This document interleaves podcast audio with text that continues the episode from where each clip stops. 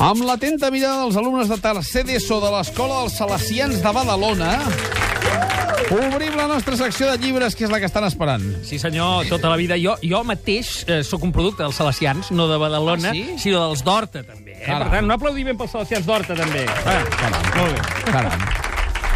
O sigui, estàs, avui estàs encerclat de salesianisme. Sí, sí, eh? sí, sí. I, tot i això, parlarem de llibres eh, amb Emilio Harris, que ens il·lustrarà el primer.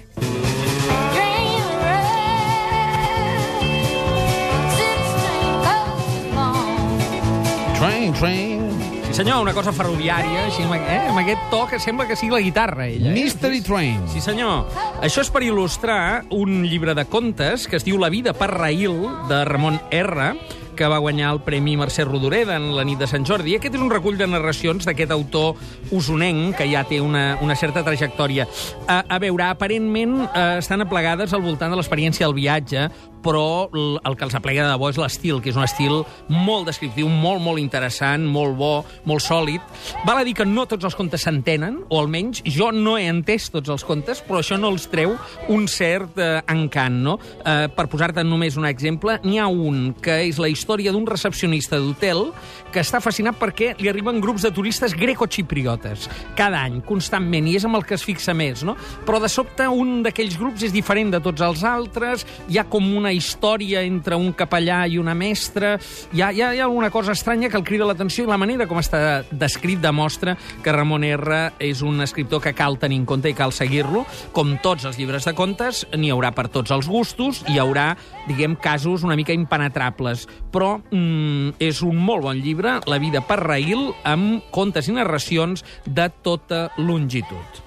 Mots clau? Avui viatge, sobretot, però també observació, felicitat, narrativa i per buscar-li un cert eh, paral·lelisme mm, per lectors de narracions curtes, un autor italià, Massimo Montempelli, que recorda el Ramon R de vegades a l'hora de posar-se dins de eh, la imatge del narrador mm, algun dels contes d'aquest autor italià. La vida per Raïl, Ramon R, proa. Batiscafo, monoplaça... I d'un 4Ls a un altre, en aquest cas els peixos no tanquen els ulls, d'Erri de Luca, mentre sona Batiscalfo, Catiusques, d'Antònia Font. Sí, senyor.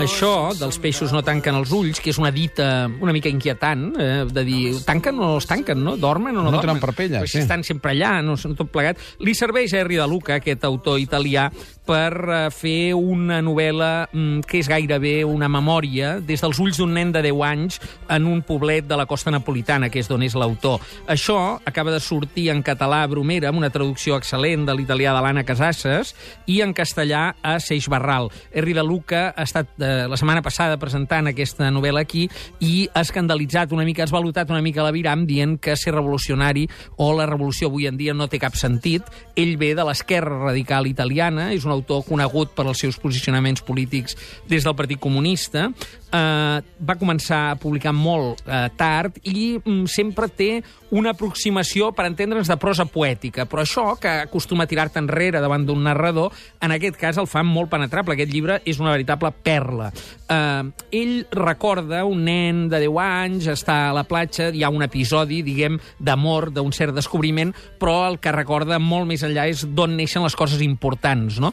I eh, en un estil aparentment, diguem, en un paisatge que podria ser de verano azul, per Sí. entendre'ns, eh, va molt més enllà, eh, fa una, diguem, una aproximació molt profunda i ens serveix una novel·la breu, d'aquelles que et deixen com una alenada d'aire fresc, eh, és un veritable, veritable eh, plaer.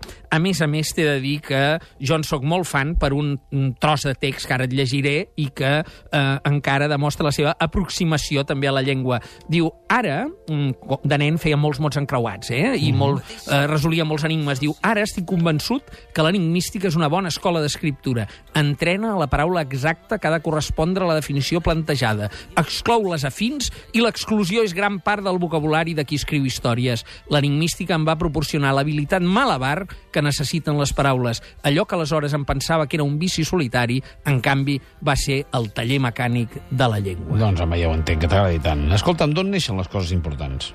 Del fons. Sempre del fons, i eh, quan els ulls sembla que estiguin entreoberts i tancats. Entreoberts d'aquí la pertinença d'aquest, eh, d'aquesta analogia, no?, de, mm -hmm. dels peixos que no tanquen mai els ulls. Mots clau. Aquí tenim la memòria, perquè n'és tot eh, el motor d'aquesta novel·la, la infància, també aquesta enigmística que, evidentment, jo trobo molt propera, però també el descobriment de l'amor i un paisatge, el del sud d'Itàlia, el de Nàpols. L'home que dobla amb.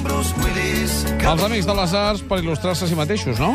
Sí, senyor. Uh, aquest home, aquest uh, tercer de la trilogia dels homes perdedors, il·lustra el llibre que es diu Els amics de les arts, espècies per catalogar entre parèntesis el llibre, per si no havia quedat clar, de la eh, periodista Elisenda Soriguera. Això acaba de sortir a Cossetània i Grup Enderroc, eh, repassa la trajectòria vital d'aquests quatre eh, eh, components dels Amics de les Arts i es presenta avui mateix a dos quarts de vuit del vespre a la Casa del Llibre. És un llibre per fans, però també un llibre per descobrir que darrere la creació de cadascuna de les cançons, de vegades hi ha el mateix que hi ha darrere la, la creació d'un conte. Eh? És un tipus, eh, tant dels Amics com de Manel, com d'altres grups, molt narratiu, i cada una d'aquestes cançons acostuma a ser una història. Moltíssimes gràcies, Màrius. A reveure!